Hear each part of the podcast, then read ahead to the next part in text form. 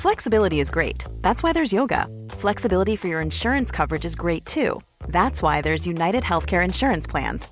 Underwritten by Golden Rule Insurance Company, United Healthcare Insurance Plans offer flexible, budget friendly coverage for medical, vision, dental, and more. One of these plans may be right for you if you're, say, between jobs, coming off your parents' plan, turning a side hustle into a full hustle, or even missed open enrollment. Want more flexibility? Find out more about United Healthcare Insurance Plans at uh1.com. Even when we're on a budget, we still deserve nice things. Quince is a place to scoop up stunning high end goods for 50 to 80% less than similar brands. They have buttery soft cashmere sweaters starting at $50, luxurious Italian leather bags, and so much more. Plus, Quince only works with factories that use safe, ethical, and responsible manufacturing. Get the high-end goods you'll love without the high price tag with Quince. Go to quince.com/style for free shipping and 365-day returns. Du lyssnar på en podd från Media House by RF.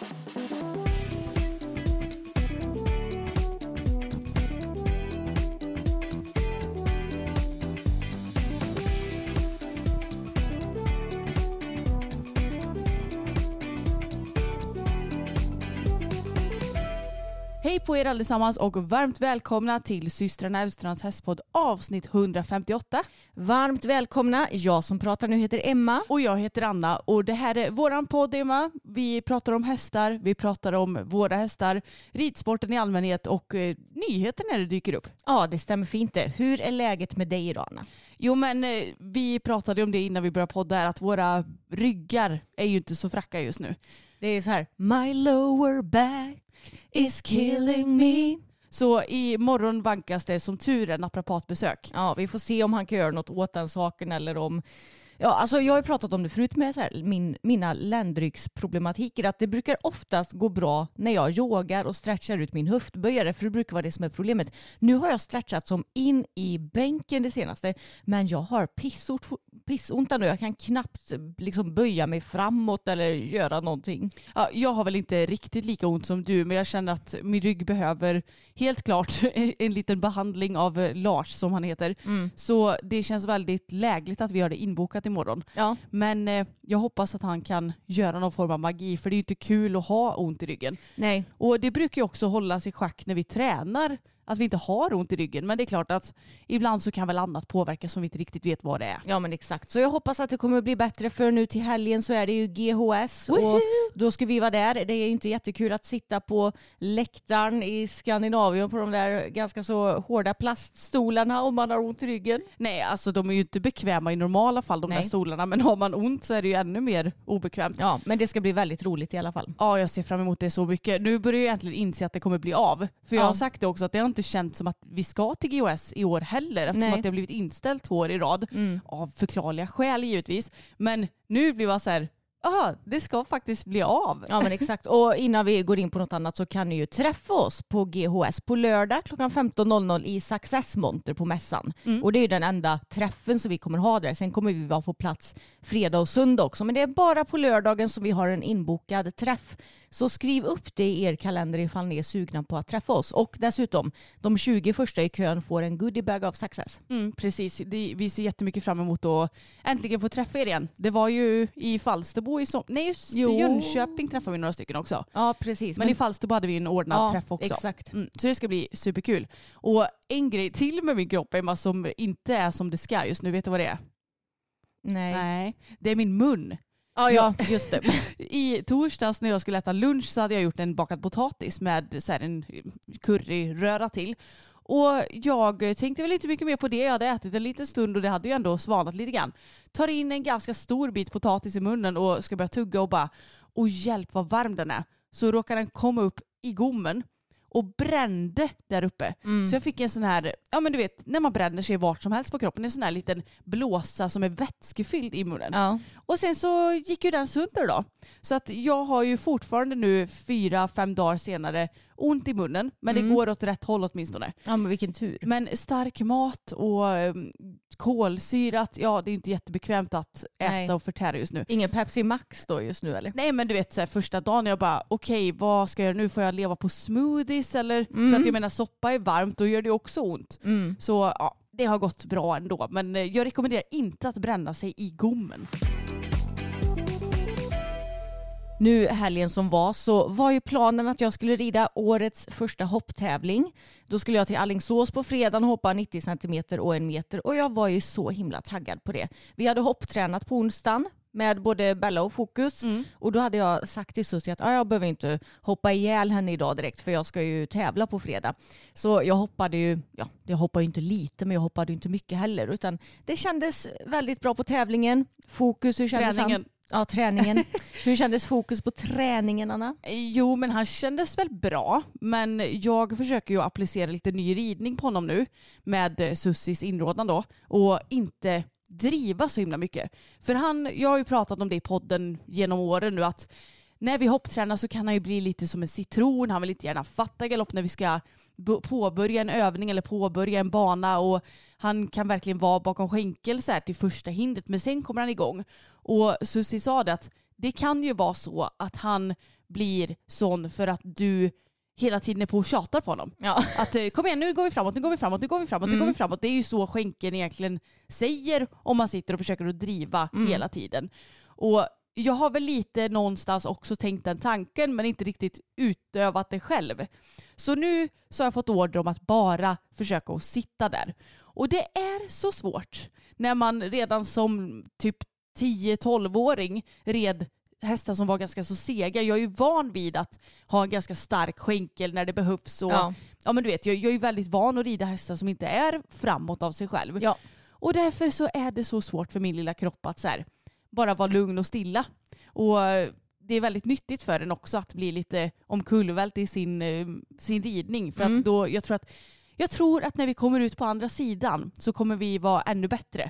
Men just nu så känner, ja men det är som vanligt när man gör någon förändring. Det känns liksom ostabilt, jag känner mig dålig. Du kanske känner dig lite obekväm? Ja men exakt. Och så är det med vad som helst. Det var ju som när vi började träna för Johan, jag kände mig skitdålig i början. Ja men det var så mycket information att eh, processa Ja. och det, du kände att oh, herregud nu har jag glömt bort allting till nästa gång. Och, Mm. ja. Så det är ju inget konstigt att känna sig dålig och jag menar inte att det är något, det är inte världens grej för mig att känna mig dålig just nu. Det har jag gjort innan ändå trots att eh, jag inte hade någon ridning. Så att det är lite jobbigt helt klart men jag tror som sagt att det kommer bli mycket bättre och träningen gick ju ändå ganska bra. Jag kände efteråt så att ja, jag blev lite osäker men det beror ju både på att jag inte har så mycket språng i kroppen och att vi håller på att ändra på saker nu. Mm. Så det är nyttigt. Fokus kändes, eh, ja men när- jag gjorde den här ridningen också så kändes det som att han självmant ändå sög tag i hindren. Mm. Och det gjorde han ju innan också. Men då var det ju lite mer att jag var på honom. Så det ska bli väldigt spännande att se vart vi kan landa i Mm. det här med eh, Susis hjälp. Ja, jag tror det kommer bli bra. Men nu då till själva tävlingssnacket. För då Mm. skulle jag ju tävla på fredagen. Och dagen innan så, eller ja, det var ju visserligen ett par dagar innan, men dagen innan så kollade vi som vanligt väderleksrapporten. Och då står det att det ska blåsa upp till 25 meter per sekund i Allingsås och Mm. dessutom typ spöregna hela kvällen. Och det var ju då stormen Otto som skulle dra in här då över Sverige och det var ju gula och orangea vad säger man, varningar ifrån SMHI. Så jag skickade ett sms till tävlingsledaren och frågade hur de hade tänkt göra med tävlingen och då sa han att ja, men vi avvaktar tills imorgon och så får vi se. Mm. Men då blev ju den tyvärr inställd då, dagen ja, efter. Ja, så himla tråkigt. Vår eh, kompis som skulle tävla samma eh, tävling hon skickade och sa att nu är tävlingen inställd, hoppas ni kan imorgon istället för då valde de att flytta klasserna på fredag kväll till lördagen för då hade de ponnyklasser Mm. och körde efter ponnyerna. Men eh, vi hade ju fullt upp på lördagen så Ja. vi kunde ju tyvärr inte åka då. Nej. Så det var så tråkigt. Det blir alltid ett sånt antiklimax. Det är inte ofta vi har behövt då, ja men antingen att tävlingen blivit inställd eller att vi har behövt ställa in för att vi varit sjuka eller skadade eller sådär. Mm. Så det blir alltid sådär att man bara, jaha, vad Ja. gör vi nu? Ja, jag, jag kände mig ganska så nere faktiskt efter att den tävlingen blev inställd. För jag hade sett fram emot det så mycket, att äntligen komma igång. Hon känns ju så fin i hoppningen. Så ja, det blev ingen tävling i helgen helt enkelt. Och i och med det så har jag stuvat om lite i tävlingsplaneringen i mars. För nu har jag planerat vilka tävlingar som jag ska rida i mars. Och jag skulle egentligen ridit i Alingsås igen i mars den elfte. Mm. Men eh, den har jag strukit nu och så ska jag rida i Lidköping istället den fjärde blir det. Så det blir årets första tävling och då har jag anmält mig till 90 cm och en meter igen för att komma igång och sen så har ju vi ett Lidköpingsspöke att eh, eventuellt övervinna också. Ja, alltså ni tävlade ju där 2018 innan hon skadade sig va? Ja, Och innan hon fick sin diskskada alltså. Och då gick det ju inte jättebra. Då Nej. hoppade ni bara en meter vill jag minnas. nej 90 och en meter. Var det 90 och en meter? Ja, och då var hon ju fem år så jag hoppade i avdelning B. Och, och innan dess hade alla tävlingar gått jättebra och sådär. Men hon är ju ganska så tryckkänslig och Lidköping har ju typ en gigantisk svart vägg eh, där läktaren är och sen så sitter publiken liksom lite längre bort. Så det ser ganska så annorlunda ut mot en vanlig läktare. Så hon blev ju direkt när hon kom in på banan bara tvärnittade och tittade på den. Eh, så det var ju inte så himla lätt att få henne avspänd utan hon var dåligt framme för skänken, hon var spänd hela tiden, jag fick inte alls någon bra känsla. Nu är hon ju några år äldre, förhoppningsvis några år klokare, jag kanske har blivit lite bättre på att rida och Ja och ni har ju tränat väldigt Mm. mycket på det här med hennes tryckkänslighet och grejer genom åren. Det är ändå fyra och ett halvt år sedan nu som ni startade där sist. Ja, så jag får se hur det kommer gå. Jag är ganska så neutralt inställd och ser det lite mer som träning och att det får gå lite som det går. Men eh, har jag tur så kanske jag kommer över mitt Lidköpingsspöke för jag har ju inte tävlat där sedan dess. Nej och jag menar Lidköping är ju ändå en väldigt härlig tävlingsplats så att det är ju tråkigt att känna att man inte vill dit bara för att Bella inte gått bra där en gång. Ja. Och för att det är ju lite så för att komma vidare så måste man ju träna på det som är svårt också. Så Ja. att eh, jag, jag tror på er. Det Ja. ska bli väldigt kul. Och sen ska jag ju dit med fokus också den 19 Yes. och rida Medelsmuseet. Och sen så ska jag och Bella till Falköping sista helgen i mars och då är planen att jag bara ska rida en meter. Jag, jag anmälde ju dig till 1.10 men då hade vi också tänkt att du skulle hunnit rida två tävlingar innan. Men eh, vi kanske får ta bort det från 1.10 och Ja. vänta lite med Jag, den. jag avvaktar nog med en och tio Mm. till lite senare i vår tror jag. Även om ni är väldigt stabila nu men det är ju ingen idé att hetsa ut på Nej. någon 1.10 för den sakens skull. Nej så att eh, det blev ju lite ändringar i schemat men det blev ju bra ändå. Ja, det blev det. Och någonting annat som har hänt i helgen också det är ju att Pebban och Bella har äntligen fått komma ut i samma hage igen och att Bella, eller Bella, Pebban har fått komma ut i stor hage igen. Ja och man kan ju se att hon var en smula glad. Ni som har Instagram, eller ja pappa har i och för sig upp ett konto så man kan ju söka på instagram.com slash Hans. Så finns det en liten eh, videosnutt där på Ja. när tjejerna är hur glada som helst. Pebban rullar sig, de bockar, de springer mot pappa så han får säga Wow, "Hej, wow, wow." spring inte på mig eller vad han nu Ja, och så säger. typ, ni är ju livsfarliga tror jag till och med han säger. Ja, så att hon är superglad. Och du pratade ju med eh, våran veterinär förra veckan Mm. och då sa ju hon att ja men sår läker också under eh, rörelse och nu Ja. har det ju ändå gått ja, men två och en halv vecka Mm. sedan operationen och jag tänker att det mesta inuti har nog ändå kommit ihop sig lite. Ja. Så det känns bara så skönt att hon slipper gå i en pytteliten ruta. Mm. Det är den minsta sjukhagen vi någonsin har byggt dessutom. Ja, det är det. Så hon och Bella är väldigt, väldigt glada nu. De får gå med sina bästisar båda två.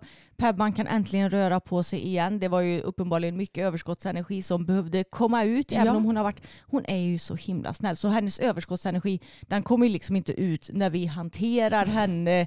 Eller ja, men som när vi har ridit igång henne. Hon har ju varit hur lugn som helst. Utan det är ju så här, när hon går i hag att hon kanske vill busa lite. Ja, och jag har ju upptäckt det enda kanske problemet med Pebban nu den senaste tiden. Och det var ju så här att vi har ju haft snögg på hennes sår och det är som ett stort hästplåster kan man säga. Och det är ju väldigt, väldigt, väldigt klistrigt och hon har ju ganska så lång päls i och med att hon har stått skadad i vinter så vi inte har velat klippa henne. Och då lämnade det sådana här klisterränder. Ni vet som när man har haft ett plåster på huden så kan det ju bli också så på oss. Så lite så.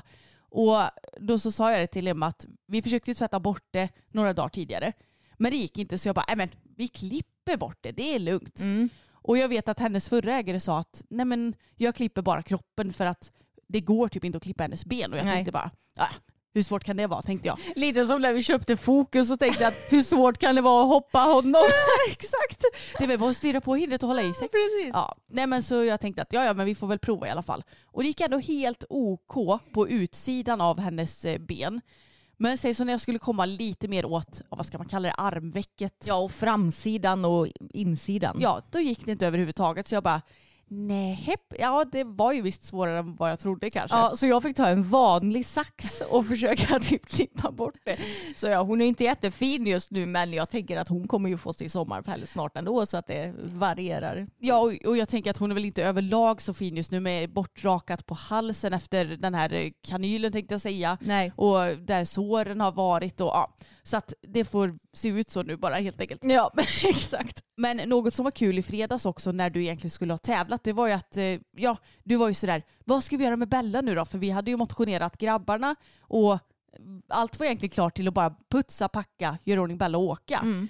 Och då blev du lite omotiverad i och med att tävlingen blev inställd så då sa du att ja men då får du rida Bella och jag bara okej vad ska vi göra då? Kan vi hoppa lite? frågade jag. Och du bara ja hon skulle egentligen ha gjort det så det kan du göra. Och det var så jäkla roligt. Ja, hon var så fin. Vi åkte till ridskolan eftersom det blåste en del. Och jag satte upp på ena långsidan i höger varv framför allt. Vi bytte ju lite varv ibland. Då så hade vi en studs och så två galoppsprång till ett räcke. Och i vänster varv så hade vi ett litet hinder och sen tre galoppsprång till en oxer. Så det blev ju lite gymnastik, lite självförtroende ingivande för mig. Mm. Och hon var helt klockren. Ja. Hon känns så mycket roligare att hoppa nu redan mot eh, vad hon gjorde i höstas tycker jag, Mm. när jag eller redan, redan på tävlingen. ja. Eh, och det känns som att hon är mycket mer finkänslig, intunad på att så här, ja men nu behöver jag lite mer fart, då behöver man inte Mm. kämpa så mycket. I och för sig, man har inte behövt kämpa jättemycket innan heller. Nej men jag fattar, bättre. jag fattar vad du menar. Hon Mm. är liksom mer framme för skänker nu. Överlag så känns hon känsligare och lättare. Mm. Och ja, men, jag håller med, allting känns bättre. Och det är också därför jag var lite bitter över inte kunna tävla. Men det var väldigt kul att se för du var ju väldigt nöjd. Du har ju varit lite osäker nu det senaste. Och det var ju kanske ganska så perfekt för dig att få rida Bella. Som du, du behöver egentligen inte göra så mycket. Det är ju mest att styra på och sen så kan du fokusera lite mer på ja, men typ din position och din sits och sådär. Ja, och det är klart att man behöver jobba lite grann för att hon, som ganska många andra hästar, har ju längre vänstergalopp och blir kanske lite mer lång och långsam där. Och det kan ju bli ett problem när man vänder upp i vänster varv. Det, det är ju det som jag har haft problem med tidigare när jag hoppade henne inför tävlingen i höstas. Att det var så himla svårt att komma på hinder i vänster varv för att det kändes bara som att ja, men vi skulle behövt ha lite kortare och kompaktare galopp så vi fick två språng fram. Men nu blev det typ, eller i höstas blev det typ ett stort språng och sen ett litet språng innan vi hoppade eller så. Ja, det blev bara konstigt helt enkelt. Och jag kände det när jag kom i vänster varv på ett hinder som var kanske 90 centimeter. När jag började styra mot, jag bara just det, nu är vi i vänster varv. Och sen så bara, fast det var inga bekymmer nu. Nej. För hon, hon känns mer energisk och ihop även där. Mm. I höger varv så är det ju alltid lätt och det var det ju även i höstas. Men Ja. vänster varv har blivit mycket, mycket bättre nu. Ja men det är härligt att höra. Och det kommer ju film på det här imorgon också. Mm, det gör det. YouTube. Nej men det var väldigt roligt att se. Du hoppade ju några språng på en meter och det var ju länge sedan du gjorde det. Ja, verkligen. Och det var så gött att känna att jag kände mig 0% osäker. Jag kände mig bara fokuserad och glad. Ja. Och det känns gött att tanka lite språng inför min kommande lilla hoppkarriär här. Och jag sa det att jag kanske snor henne på tävling någon mer gång nu i Det vår. får du göra. Jag ska ju sno fokus så då är det inte mer än rätt att du snor Bella på någon tävling. Nej, jag, jag tycker faktiskt det. Mm. Men då tänker jag, ja men du kan ju hoppa typ så här 90 centimeter och så kan jag hoppa en meter på någon Ja, tävling. Det blir askul. Ja, vi får hitta någon som det är 90 centimeter klass på för du vill ju inte hoppa bara clear round, det är ju lite tråkigt. Ja men det känns lite tråkigt sådär för ja, men du ska ju till Falköping till exempel. Ja. Då hade vi ju egentligen kunnat stryka det 1,10 och anmäla mig till 90 men jag känner bara 90 bedömning A på en eh, tioårig häst som jag eh, egentligen, rent historiskt sett så har det gått väldigt bra när vi har hoppat Ja. omhoppning också. Så eh, ja, det känns lite tråkigt. Det är Ja. en grej om man hoppar två klasser som du gör. Nu, nu ska du till Lidköping hoppa 90 bedömning A och Mm. sen en meter A0 plus A0 till exempel. Men eh, nej, jag vill ha omhoppning. Ja.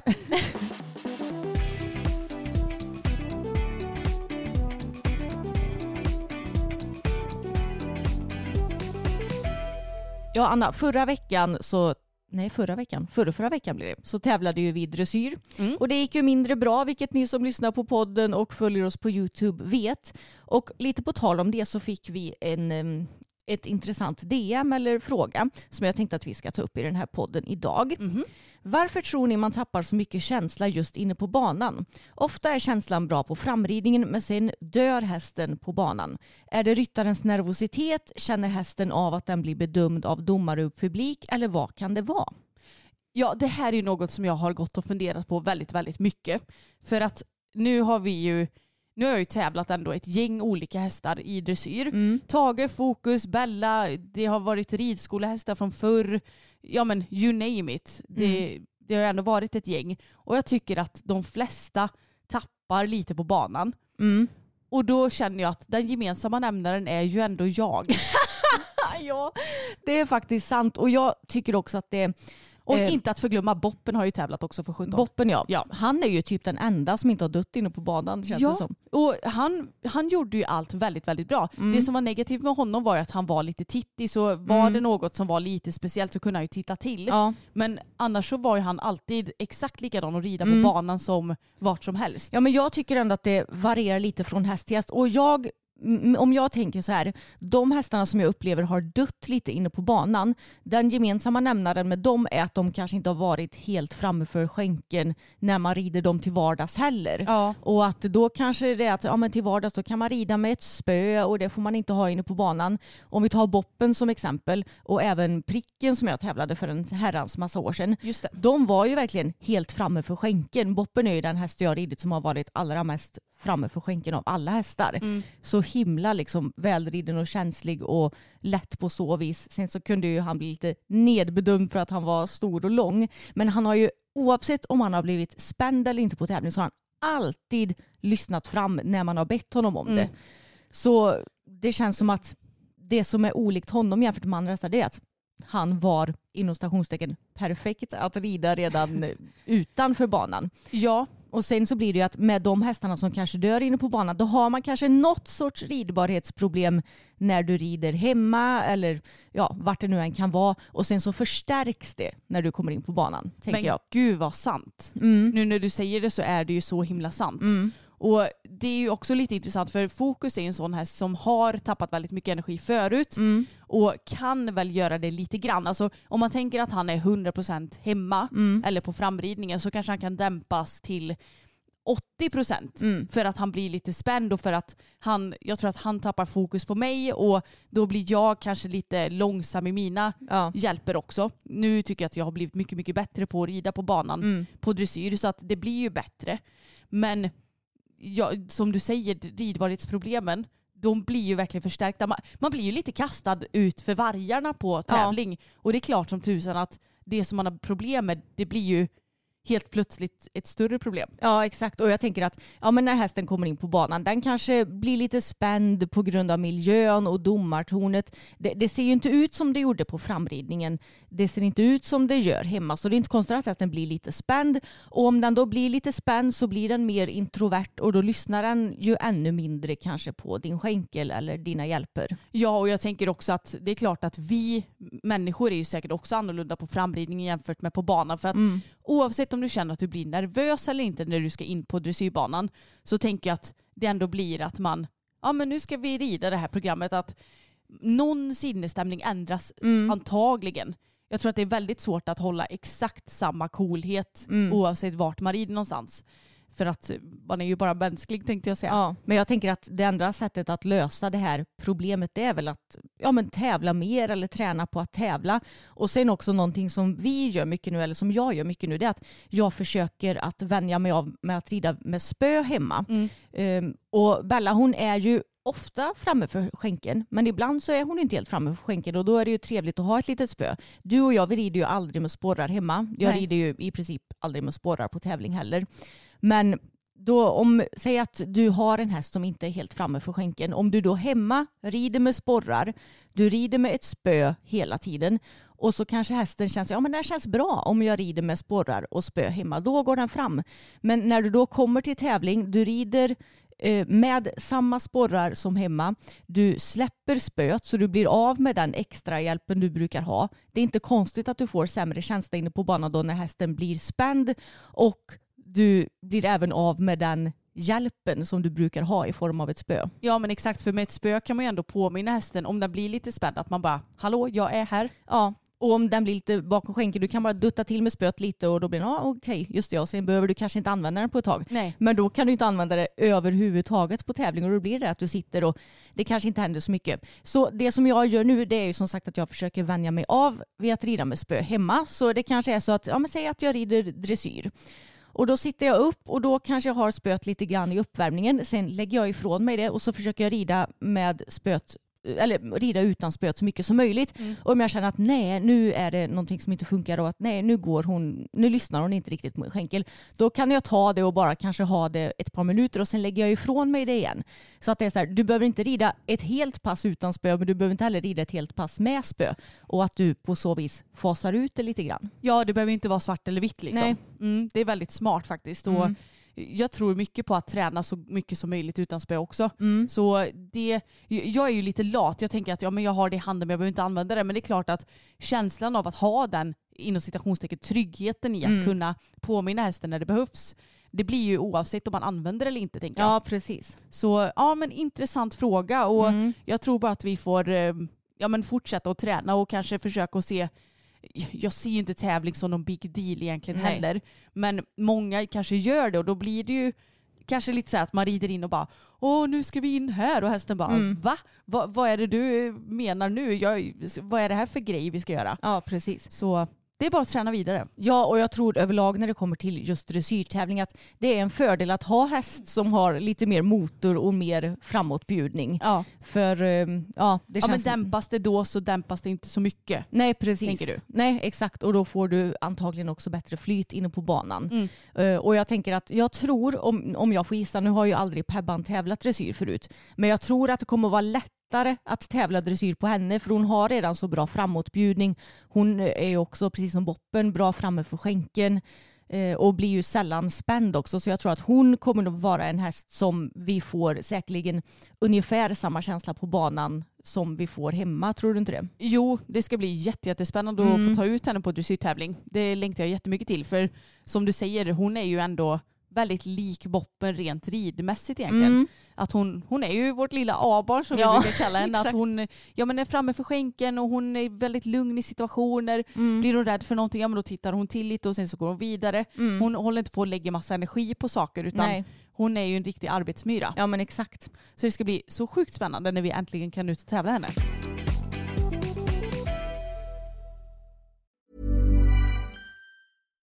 This message comes from BOF sponsor eBay. You'll know real when you get it. It'll say eBay Authenticity Guarantee. And you'll feel it. Maybe it's a head turning handbag, a watch that says it all, jewelry that makes you look like the gem, or sneakers and streetwear so fresh every step feels fly. eBay gets it. So look for the blue check mark next to that thing you love and be confident that every inch, stitch, sole, and logo is checked by experts.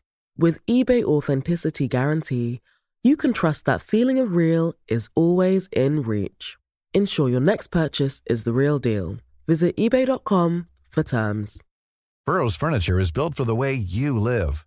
From ensuring easy assembly and disassembly to honoring highly requested new colors for their award-winning seating, they always have their customers in mind. Their modular seating is made out of durable materials to last and grow with you. And with Burrow, you always get fast, free shipping. Get up to 60% off during Burrow's Memorial Day sale at burrow.com slash ACAST. That's burrow.com slash ACAST. burrow.com slash ACAST. Ja, Emma, förra veckans allra största snackis egentligen. Det måste ju vara att Allan Peders All In nu pensioneras. Ja men det måste det ju verkligen vara. Och det, ja, sk- skulle du säga att det var en väntad nyhet Anna? Alltså både ja och nej skulle jag nog säga. Mm. Jag tänker att Allan har ju verkligen gjort allt. Hur många medaljer har han inte? Typ Många. sex Ja, stycken något eller någonting. Mm. Och det är ju helt sjukt med tanke på att det är en häst. Mm. En häst, eh, ja men OS är vart fjärde år och en mästerskap är ju, man måste ju matcha dem väl för att de ska prestera Ja, för det exakt. första. Och det har han ju verkligen gjort på alla. Förutom möjligtvis typ i härning sist då. Att han rev ett hinder eller vad var det? Ja och när Peder hade eh, seps, sepsis också, när han var sjuk. Just det, just det, Mm. det hade jag förträngt. Nej men så att jag menar, de som ekipage har ju verkligen levererat så, så, så mycket. Så det är klart att jag förstår det här beslutet. Mm. Jag tycker att det är härligt att se att man inte bara kör på tills det inte går mer. Nej exakt, utan att eh, man väljer att ändå avsluta på topp. Ja, precis. Så att jag tycker ändå att jag skulle inte säga att jag bara, ah, jag tycker det är rätt beslut för jag, Nej. så väl känner ju inte jag den här Nej. hästen. Men jag tycker ändå att det verkar klokt. Ja, verkligen. Och jag läste någon artikel och då sa Peder att han skulle rida de här två första tävlingarna i året som han hade gjort i Helsingborg och Borås om jag minns rätt. Mm. Och känna lite hur han kändes och sen ta ett beslut efter det. Och då hade han sagt att Allan kändes bra och han har ju sett väldigt fin ut på de filmerna som han har lagt ut från de här tävlingarna. Men att ändå magkänslan sa att nej men nu är det dags för honom att gå i pension. Mm. Och du och jag vi siade ju lite om att ja, men Allan kanske kommer gå till någon, inte vet jag, ungdomsryttare nu Mm. för att rida lite lägre klasser då innan Mm. han kanske pensioneras helt och hållet. Ja. Men det verkar det ju inte som att Nej. han ska. Han ska väl vara kvar på Greplunda och säkerligen bara typ motionsrida. Ja, så. och leva lite livet. gött. Ja men exakt. Så det är väldigt härligt. Ja, och jag tänker också att jag tror att Allan är en väldigt speciell häst. Det har ju Mm. Peder sagt många gånger och det såg man ju bland annat i dokumentären nummer ett. Ja. Att han har ju fått jobba väldigt mycket med Allan och det är klart då kanske inte han riktigt passar till någon annan än eller någon annan än Peder kan säkert rida honom Mm. men du förstår vad jag menar på Ja, tävling och allt sånt där. Precis, och då blir det också, du kanske inte riktigt vill lämna ifrån dig en sån häst på det sättet. Nej och det är ju också så att lämnar du ifrån hästen ja men då blir det ju inte pension Mm. och då kommer han ju ändå kanske inte få det här fina avslutet som det ändå blir. Mm. Så han ska ju avtackas nu på torsdag Mm. på GHS. Och jag tycker det är lite tråkigt att inte vi får se Allan avtackas. Ja. Men eh, jag tror att det här blev också ganska plötsligt. Så Ja. att det är klart att GHS inte kunnat liksom planera det till fullo så. Nej exakt. Så det är ju kul att det blir någon form av avtackning ändå. Ja men verkligen. Så ja, stort tack till Allan för allt som du har gjort eh, för svensk hoppsport och ridsport. Det är ju, jag skulle säga att han är en av de bästa hopphästarna genom tiderna. Ja men verkligen. Mm. Tänk att den lilla lilla hästen bara är så fantastisk. Och Mm. Peder har ju lotsat honom så väl genom alla tävlingar och de har ju varit ett oslagbart team Ja. egentligen. Så att, eh, det känns såklart tråkigt men jag tycker ändå att det är fint att han får, en, han får ett värdigt avslut istället för att hamna med någon skada eller eh, inte prestera på tävling och att man då väljer att pensionera faktiskt.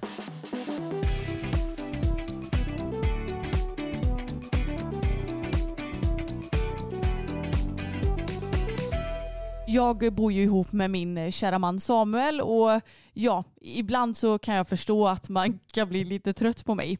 För att du och jag vi är ju väldigt eh, sångiga. Ja. Vi sjunger om mycket och vi hittar på sånger om hästarna och eh, vi är nästan aldrig tysta. Nej. Vet du vad Samuel sa häromdagen? Nej. Han sa att jag är som en jukebox från helvetet. För att då sjöng jag på Lille ko, lille ko, Mm. lille söte koa. Bara fick den låten helt från ingenstans på hjärnan. Mm. Och han bara, alltså kan du snälla sluta sjunga på sådana låtar? Jag bara, det går inte. Det bara dyker upp i hjärnan och då kommer det ut. Jag trodde du skulle ha bytt eh, text till den låten också. Nej men det hade jag faktiskt inte gjort. Men Nej. han sa också det att ibland så får ju han låtar på hjärnan som jag hittar på. Nu kommer Mm. jag inte ihåg. Jo jag, jag sjöng nog att jag skulle duscha eller någonting innan Mm. jag gick in och duschade. Då fick han den låten på hjärnan. Mm. Och jag kan inte ens återsjunga den för jag kommer inte ihåg hur den gick. Nej. Så han, ehm, han är nog lite trött på min, eh, mitt sjungande ibland, min Mm. kära man. Ja, jag kan förstå det. Det kanske är tur att jag är eh, singel så att säga. De hade blivit lika trötta på dig menar du? ja. Ja, ungefär så. Mm. Och jag, jag tänker att det är tur att vi inte har ett tredje, ett tredje, en tredje person i vårt team Mm. än så länge. Ja, För precis. att eh, vi kan nog vara ganska jobbiga när vi håller på och skrattar och fjantar oss hela Jo, dagarna. det kan man säga. Samuel tycker att vi har jättedålig humor. Ja, det tycker han. Mm. Men jag tycker att han har ganska dålig humor också. Mm. Han är så här, "Höhö." Eh, den här stand-up-komikern. Och jag är ju verkligen inte sån att jag tycker det är så kul alltid. Nej. Så ja, det är tur att du och jag har samma humor ändå. För annars, tänk om vi hade haft olika humor. Då hade vi aldrig haft kul. Nej, och jag tror att den här podden hade blivit betydligt trökigare också faktiskt. Ja, det tror verkligen jag också. Den 11 februari så släppte Ridsport Plus en artikel som heter Hästetologen. Fin tanke att tävlingshästar ska vara glada. Och jag vet att den här har fått, eh, ja men det har blivit lite diskussion och sådär i sociala medier så jag tänkte att jag ska läsa upp lite delar ur den här krönikan och så kan vi diskutera det sen Anna. Mm. Hästetologen Renate Larsen är övertygad om att hästvärlden behöver mer forskning kring vad som är god och dålig hästvälfärd. Inte minst med avseende på hur hästar används i sporten. Vad tänker du om begreppet happy athlete? Kan hästar älska att hoppa stora hinder, dansa fram i passage eller spränga fram i terrängen? Det är en fin tanke att tävlingshästar ska vara glada, men utan en konkret vetenskapligt baserad definition av vad en glad atlet är så blir det ett verkningslöst begrepp. Glädje är en mänsklig känsla som är svår att översätta till hästar. Med hästar pratar vi snarare om övergripande positiva eller negativa känslor och eftersom vi inte kan fråga dem hur de mår så behöver vi tolka deras beteende. Vilka beteenden uppvisar en glad atlet? Söker sig en häst till att hoppa stora terränghinder eller piafera på medellinjen om den är lös och kan välja att göra något annat? Troligtvis inte, så gissningsvis är kärlek inte den primära drivkraften bakom att hästar presterar på tävlingsbanan. Vi vill gärna bygga vår relation till hästar på ett ömsesidigt partnerskap, men jag tycker att det är viktigt att vi är ärliga mot oss själva. Ingen häst skulle välja att tävla framför att beta med sin kompis i hagen om de verkligen fick göra det valet. Vi tävlar hästar för vår egen skull, inte för deras. Det behöver inte vara ett problem, men det är något vi inom hästsporten behöver inse och acceptera för att kunna föra ett vettigt resonemang om sportens framtid. Min uppfattning är att vi inom hästsporten gärna försvarar oss med att kritiken kommer från människor som inte besitter den kunskap som krävs för att göra en rimlig bedömning av hästarnas välfärd. Men det stämmer inte. En stor del av kritiken kommer från veterinärer, etologer, forskare, djurskyddsorganisationer, tävlingsryttare och yrkesverksamma tränare. Det är alltså personer som är specialister inom hästvälfärd eller professionella utövare av sporten och deras synpunkter förtjänas att tas på allvar. Vad tänker du när någon säger att det aldrig skulle gå att hoppa en 1,60-bana eller rida ett kyrprogram på en häst om man tvingade den? Att hästen bara gör det om den mår bra. Jag skulle snarare säga tvärtom. Att det inte går att hoppa en 1,60-bana eller rida ett kyrprogram utan att tvinga den. Tvång behöver inte vara fysiskt våld. Det kan helt enkelt vara brist på alternativ. En elithäst får inte välja om eller när den ska tävla. Hade den fått välja mellan att tävla och beta i hagen med sin kompis hade den nog valt det senare. Och förekomsten av magsår, bettrelaterade skador, stereotypier och smärt och stressrelaterade beteenden hos tävlingshästar motsäger tesen att en häst bara kan prestera om den mår bra. Ja, och jag kan säga att den här krönikan är väldigt, väldigt lång och nu har jag bara valt ut ett par delar ur den, men jag kan varmt rekommendera att läsa den för jag tyckte att den var väldigt bra. Men ja, nu har jag valt ut lite grann om det som Renate säger om, ja men kanske främst om hästen gillar att tävla eller älskar att tävla Mm. och lite den, vad ska man säga, eh, ja men det känns som att vi människor kan göra förmänskliga hästarna ibland på det här sättet. Ja men gud i så mycket tänkte jag säga. Och jag ska bara säga det att jag kan länka till den här artikeln i beskrivningen Mm. ifall ni vill läsa den i sin helhet. Men eh, ja, vi förmänskligar ju hästarna på många sätt. Dels genom att övertäcka dem kanske när det är kallt ute. Och tillskriva dem eh, våra egna känslor. Ja men exakt. Och det är ju så att hästar känner ju inte exakt vad vi känner. De är väl mer så här nöjda eller missnöjda. Mm. Arga kan de ju såklart vara om en häst är jobbig mot dem eller, Mm.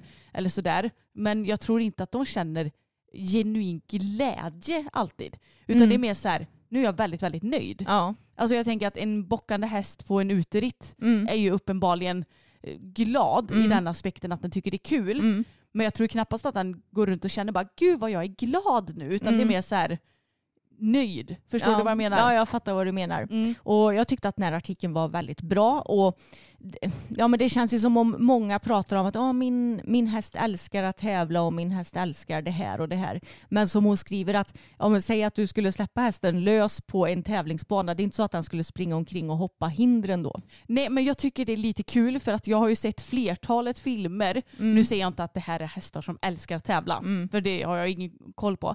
Men jag har sett flertalet filmer där en ryttare åker av på en Mm. hoppbana. Där hästen fortsätter att hoppa Ja. hindren.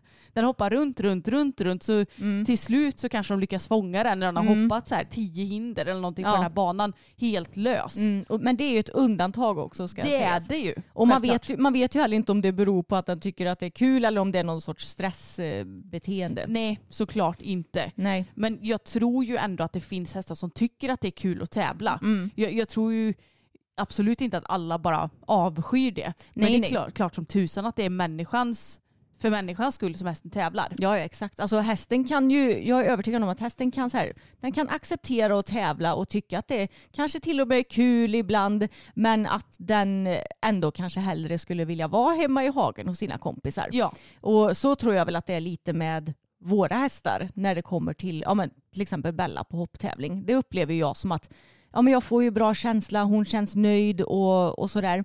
Men samtidigt så är hon ännu mer nöjd när hon får gå hemma i hagen och liksom chilla med sina kompisar. Ja. Men som vi har sagt så många gånger förut att om du har en bra hästhållning som ju vi har då tycker jag inte att det är något fel att åka ut och tävla med hästarna ibland, träna med dem.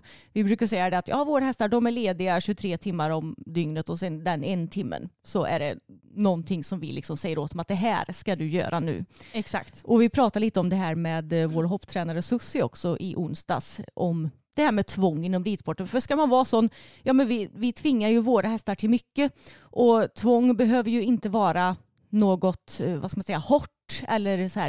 Nej det behöver inte vara så laddat Nej. ord. Det är ju inte att man måste stå där med långpisken Nej. och piska ihjäl hästen. Nej.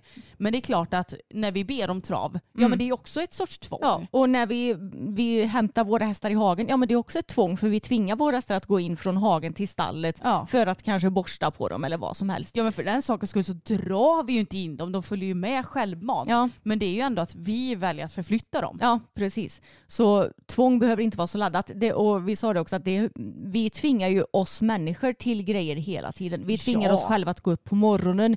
Vi tvingar oss att gå till jobbet, gå till skolan. Äta. Ja, äta, alltså Gå på allting. toa. Ja, men det, det är ju, allting i livet innebär ju tvång. Men att du ändå kan göra det på ett hästvänligt sätt när det kommer till våra hästar. Ja, men det är ju så jag tänker också att eh, jag skulle nog inte ha gott samvete om jag kände att jag är iväg och tävlar min häst varenda helg. Mm. Vi, eh, ja men inte vet jag, hade ändrat på vår hästhållning till något som jag tycker är sämre. Mm. Eller sämre för våra hästar. Mm. Det hade inte jag varit okej med. Men Nej. nu när det sker ändå ja, men ganska sällan och Mm. man känner att de ändå blir bättre och bättre på tävling och allt sånt där, då, då känns det okej. liksom. Ja, och de, när de får sina fysiologiska behov tillfredsställa i sitt vad ska man säga, vardagsliv, Mm. då tycker jag inte att det är något fel att ja, åka ut och göra lite dittan och dattan med dem ibland. Nej, exakt. Men däremot så är jag ganska så övertygad om, om att många av de hästarna som tävlar på den högsta nivån, de får nog inte sina fysiologiska behov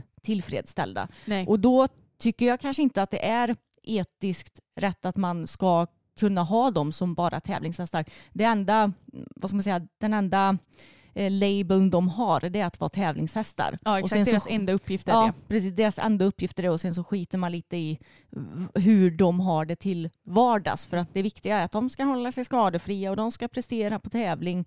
Men sen så kanske de inte får ha någon kompis, de kanske inte ens får gå ut i hagen. Och Nej. går de ut i hagen så är det en pytteliten hage utan någon kompis så de kan ha någon sorts närhet med. Alltså det tycker jag ju är stor skillnad mot den hästhållningen som jag tror att eh, kanske de flesta hobbyryttare har. Ja men exakt, det tror verkligen jag också. Men eh, jag hoppas ju att det blir mer och mer populärt att ja, men verkligen sätta hästen ännu mer i första hand än vad Mm. man gör. Och jag tycker verkligen att man märker det bland hobbyryttare att vi är ju supernoggranna och man vet när man pratar med folk att ja men alla är väldigt noggranna med det här att de ska få mycket utevistelse eller Mm. går på lösdrift kanske. Det är så himla härligt att känna. Jag Mm. hoppas att det kommer upp lite i bland de duktiga, eller duktiga, men bland elitryttarna också. Ja men det känns eh, ändå som att det har blivit en mer positiv trend nu det senaste tycker jag. Ja, och jag, jag hoppas ju framförallt att det sprids till andra länder för att Mm. Sverige är ju ändå bra på det här Ja. med utevistelse och hagar och kompisar och allt sånt där. Mm. Det får vi ändå ta av vårt land, att Ja. vi är duktiga på hästhållning. Mm. Och jag hoppas att det sprids till de andra länderna. Men det är ju som de pratar om typ Holland och bara ja men vi har typ inte tillräckligt med mark. Man bara nej men då kanske ni inte ska ha så jäkla många hästar Nej, heller då. Eller? exakt så. Det är liksom ingen svårare ekvation än Nej, så. eller hur? Mm. Ja. Ja, men det diskuteras ju mycket nu om ifall hästen är en happy athlete och också social license to operate, alltså om ridsportens framtid och att eh, ja, men det kanske finns vissa grejer som sporten behöver ändra på för att det etiskt ska vara, ja, vad ska man säga, Accepterat. ja, att Mm. tävla med hästar och det tycker jag ju är väldigt bra.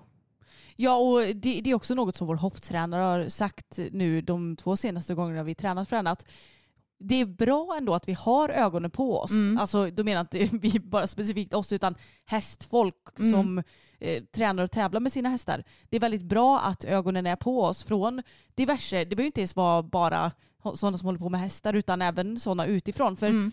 De förstår ju ännu mindre varför man sitter där med spö och sporrar och varför Mm. man rider på ett visst sätt. Och det är väl jättebra för att jag tänker att då, det tvingas ju det tvingar ju ridsporten att utvecklas ännu mer. Ja, och få lite andra perspektiv på det hela. Ja, precis. Och Mm. det tycker jag, jag håller verkligen med att det är bra. Mm. Det är bra att det blir lite kritik i det hela. Mm. Så att det kanske kan bli ännu bättre. Ja, men jag tror nog att sporten kommer ändå utvecklas eh, positivt de kommande åren. Mm. Sen så finns det ju såklart många grejer som man tycker att FEI kan göra bättre om man säger så. Ja, och borde ha ändrats för länge sedan typ. Ja, exakt.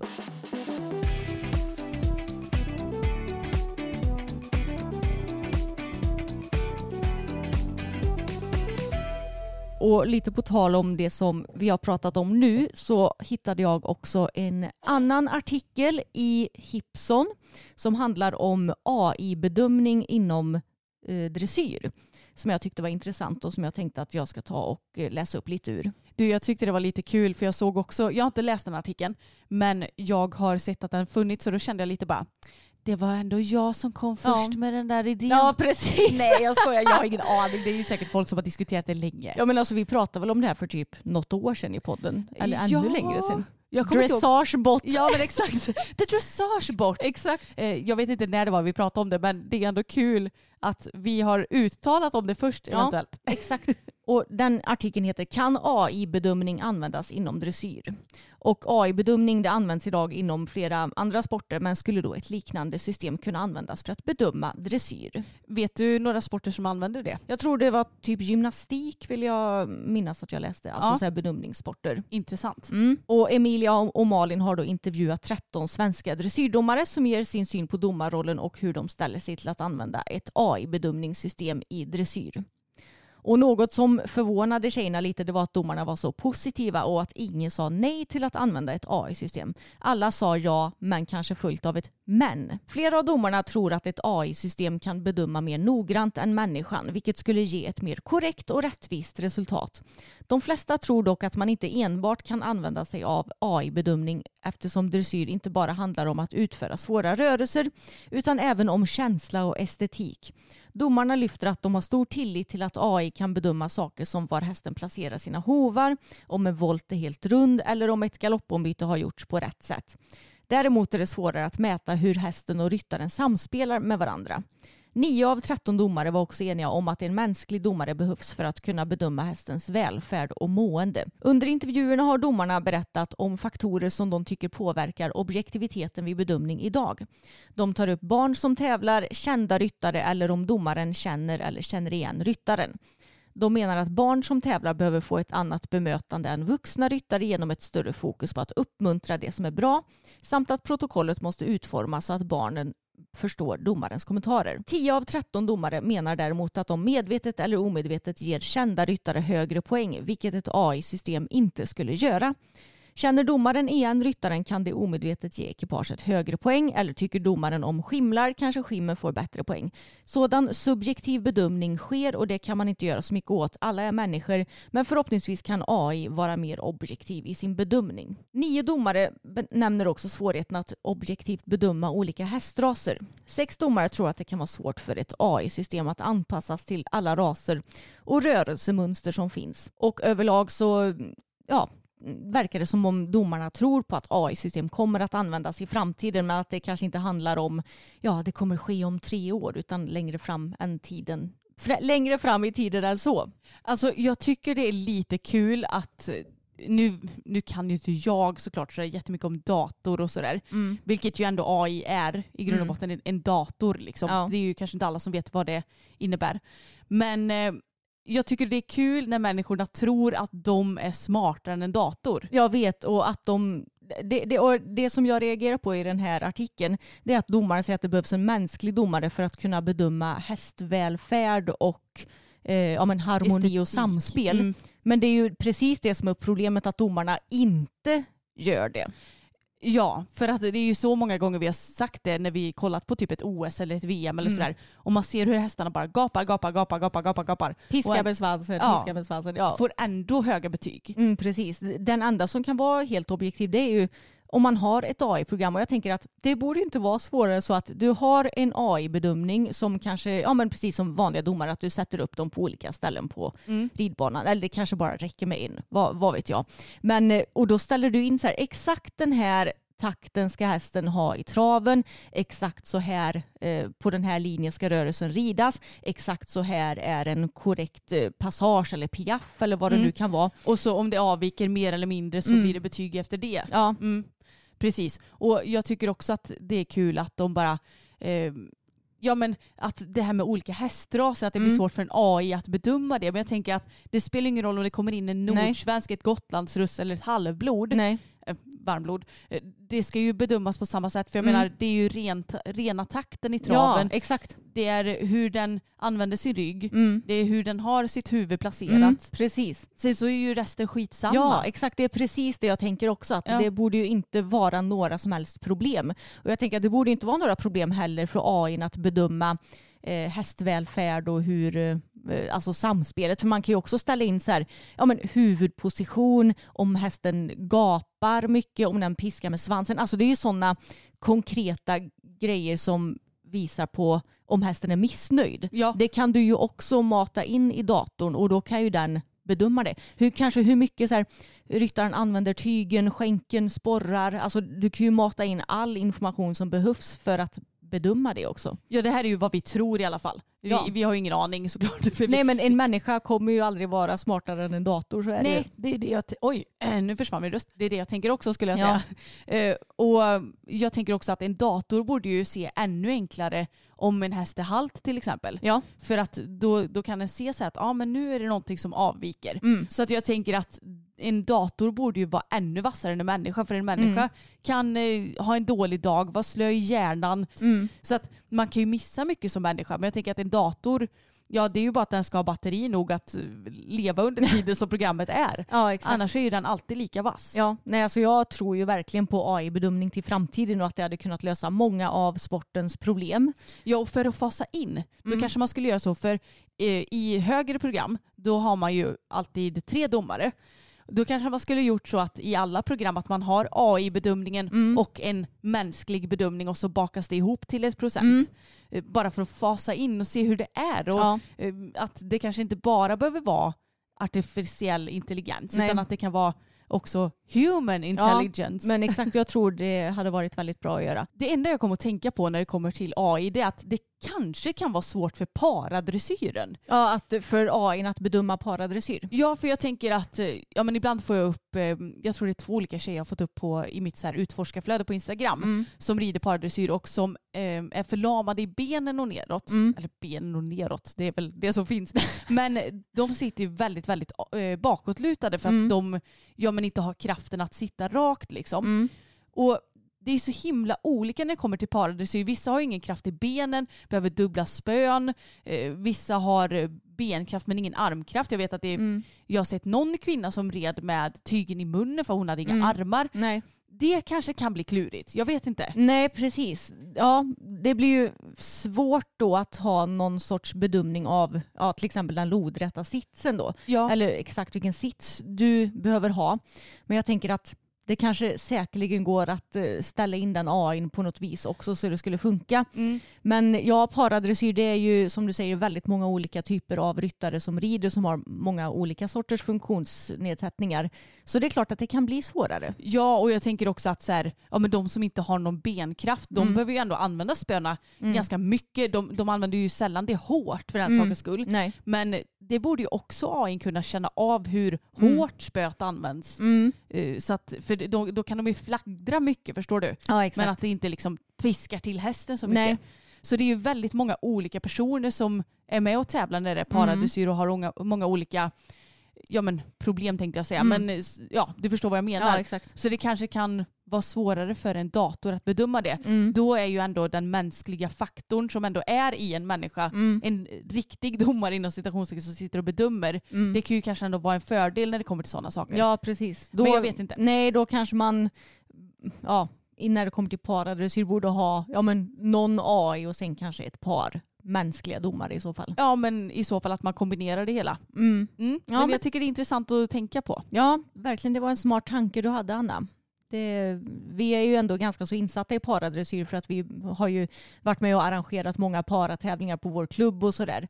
Och det är ju en stor mångfald på pararyttarna. Verkligen Mm. och jag är alltid lika imponerad. Det är ju så häftigt att det går att anpassa så mycket så att så många olika ryttare kan rida tycker jag. Ja, verkligen. Oavsett om du är blind eller döv eller ja, vad det nu än må vara. Ja men som sagt inte har några armar, kan Nej. rida med någon form av tygel i munnen. Ja, det är imponerande. ja verkligen. Eh, Nej men jag tycker det här är så himla intressant och någonting som jag tror på sikt kommer vara väldigt bra för hästarnas välfärd. Och jag tycker också det är lite kul att domarna erkänner att de ger högre poäng till ryttare som är kända och välkända. Mm. Och jag menar det märker man att det gör de ju även på lägre nivå. Japp, Mm. det märker vi väldigt tydligt. Och, Ja. eh, Alltså inte att vi får mycket poäng, det, Nej. det var inte det vi syftade på utan man märker att ja, men de som kanske tävlar mycket, Ja. är lite mer etablerade, de, de får ofta bra poäng. Ja, och så här, jag vet att när jag var domarsekreterare en gång så kom det in en ryttare på banan med sin häst som domaren då skulle bedöma.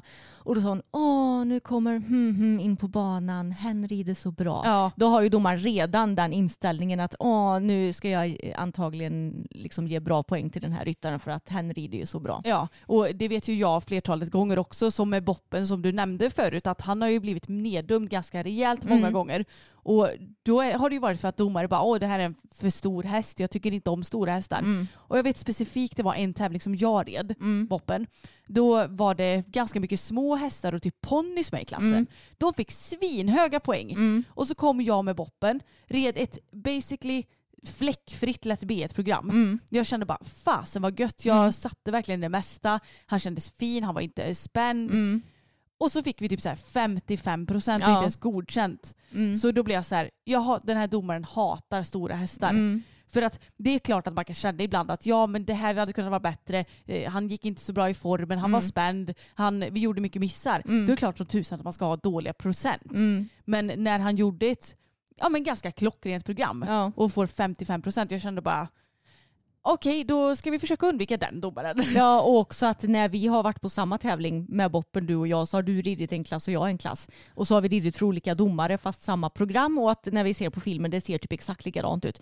Det har ju skilt typ så här 11 procent. Ja. Och sa inte vår kompis Miranda det också att hon hade ridit någon tävling med sin häst Pippi när det var flera domare så hade det skilt typ så här 11 procent på deras bedömning. Ja men exakt, då hade Alltså- vi ridit för tre Mm. domare på samma program. Nej, och men då alltså- hade det varit så mycket ja olika. men alltså så får det inte lov Nej. att vara. Jag tror att när det är, nu kommer jag inte ihåg hur många procent det måste skilja mellan två eller flera domare, Mm. men då måste jag ha ett möte Mm. efteråt om det skiljer för mycket mellan två domare. Mm. Eh, Och bara, vad såg du egentligen? Ja precis. För jag dömde så här. Nej. Och det är ju om du hade haft AI som bedömde då hade ju inte det här hänt. Det hade varit väldigt intressant för då behöver man inte ha, då borde man inte behöva ha tre AI Nej. på ett medelsvår A-program. Mm. För att då borde ju ändå de tycka likadant om man har matat in allt som Mm. ska bedömas. Ja men exakt. Men det är klart att oavsett, jag tänker att en domare sitter ju alltid vid C, Mm. en sitter vid H och en vid M. Om det är flera och sen så kan det vara fem domare om det är så internationella tävlingar. Mm. Men då, man borde ju ändå kunna bedöma lite olika beroende på vilken vinkel man sitter i. Ja. För det kan ju se lite olika ut bakifrån respektive åt sidan. Mm. Så det kanske behövs tre ändå. ja, Men det behöver ju inte skilja sig radikalt mycket Nej. mellan de olika. men exakt. Men det, det är kul, det pratas ju om Isabelle Wert-poäng till exempel på den högre nivån. Att hon alltid får högre poäng. Ja. Och jag vet när jag har sett ja, men typ Blond Dressage på Instagram när hon lägger upp så olika jämförelsefilmer att nu kommer Isabelle Wert och rider den här saxen och så lägger man upp någon annan ryttare bredvid som rider den saxen och så ser det bra mycket smidigare och enklare ut för den ryttaren som inte är Isabelle Wert. Ja. Men så får Isabelle Wert ändå högre poäng. Ja, och jag vet att jag läste lite på Facebook, jag kommer inte ihåg vilket, efter vilken tävling det var, men det var säkert någon världscuptävling ganska nyligen Mm. där Isabelle Wert hade ridit och även Patrik Hittel och folk bara Patrik red så mycket bättre och Mm. ändå får hon bättre poäng. Men ja. Ja. hon är ju väldigt, väldigt etablerad och då Mm. blir det väl att det strösslas lite mer med poängen. ja, men exakt. Och det är kanske både medvetet och omedvetet från domarna. Mm, men det är ju det som är det tråkiga med dressyren. För ja, men det blir ju typ omöjligt för någon som inte är, eh, som inte är kanske Isabelle Wert eller som har ett sånt, eh, ja vad ska man säga, nu är ju Patrik ett absolut välkänt namn. Gud ja. Men han är ju fortfarande inte Isabelle Wert för att Isabelle Wert ses ju som liksom drottningen av dressyr typ. Ja. Så då blir det ju automatiskt att eh, domarna säkert favoriserar henne. Så kan det ju inte vara i hoppningen för där är det mycket mer så här, ja men är du snabbast och felfri så vinner du. Alltså det, Exakt. det, det går inte att eh, knussla på det sättet. Nej, och det är ju verkligen därför som hoppningen ändå har en större charm får jag säga. Mm, jag Även om jag, jag tycker det är skitkul med dressyr och jag Mm. tycker det är roligt att tävla dressyr men det är ju väldigt orättvist ibland. Ja, verkligen. Ja men med den lite dressyrnördiga avslutningen så tänkte vi att vi skulle runda av här. Ja, så kom ihåg att på lördag kan ni träffa oss på GHS klockan 15.00 i Success Monter. Och ni får jättegärna prenumerera på podden om ni gillar den. Även på vår YouTube-kanal som heter Systrarna Elfstrand. Där lägger vi upp filmer nästan varje onsdag och lördag och då får ni ju lite mer, vad säger man? Ja men visuellt. Visuellt innehåll. Ja, det, vi spelar in på morgonen idag så jag känner att min hjärna har inte riktigt vaknat upp än. Den har inte hittat alla ord i hjärnan Den har kanske. verkligen inte hittat alla ord i hjärnan än tyvärr. Nej och vi ska ju ganska så snart spela in ett nytt frågepoddsavsnitt. Mm. Så har ni Instagram, in och följ oss på systrarna Elfstrand för att där kommer vi så småningom att lägga upp en story där ni kan ställa frågor till vårt eh, avsnitt 160. Precis. Så ni får ha det görbra allesammans som man säger här i Ha Västergötland. det görbra allihopa. Så hörs vi igen nästa vecka. Det gör vi. Hej då! Hej då. This message comes from BOF sponsor eBay. You'll know real when you get it. It'll say eBay Authenticity Guarantee. And you'll feel it. Maybe it's a head turning handbag, a watch that says it all, jewelry that makes you look like the gem, or sneakers and streetwear so fresh every step feels fly. eBay gets it. So look for the blue check mark next to that thing you love and be confident that every inch, stitch, sole, and logo is checked by experts. With eBay Authenticity Guarantee, you can trust that feeling of real is always in reach. Ensure your next purchase is the real deal. Visit eBay.com for terms. Flexibility is great. That's why there's yoga. Flexibility for your insurance coverage is great too. That's why there's United Healthcare Insurance Plans. Underwritten by Golden Rule Insurance Company, United Healthcare Insurance Plans offer flexible, budget friendly coverage for medical, vision, dental, and more. One of these plans may be right for you if you're, say, between jobs, coming off your parents' plan, turning a side hustle into a full hustle, or even missed open enrollment. Want more flexibility? Find out more about United Healthcare Insurance Plans at uh1.com.